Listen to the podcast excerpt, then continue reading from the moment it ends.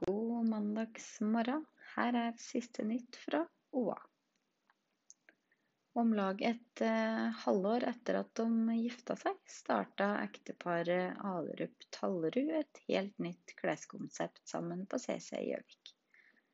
Mens Madeleine Alerup Tallerud har totalansvar for dameavdelinga på Mapt, er det Pål Tallerud som styrer herreavdelinga. Vi omgås jo mye, men klarer fortsatt å skille jobb og privat. Er vi på jobb, har vi fokuset vårt på jobb, sier Pål Talerud til Loa. Karina Rundingen har et brennende engasjement for psykisk helse, og mener at hun kan gi folk gode verktøy for å håndtere utfordringer i livet. Nå har hun starta som kognitiv terapeut på Raufoss.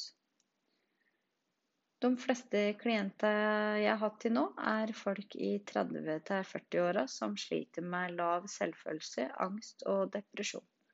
Som samtalepartner sitter jeg ikke med løsninga, men jeg kan gi noen verktøy og hjelpe folk til å finne løsninga sjøl, sier Rønningen. Hun har erfart at kognitiv terapi virker, ikke minst når det gjelder å håndtere automatiske negative tanker som ofte melder seg ved en depresjon.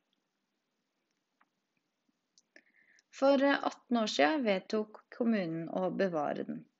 Nå er Loksdalen på Skreia endelig pussa opp. Loksdalen har blitt nedprioritert til fordel for skoler og omsorgsbygg i Østre Toten. Men når den sto i fare for å rase sammen under vekta fra vinterens snø, måtte kommunen trå til. Du kan lese saken på totenidag.no eller på oa.no.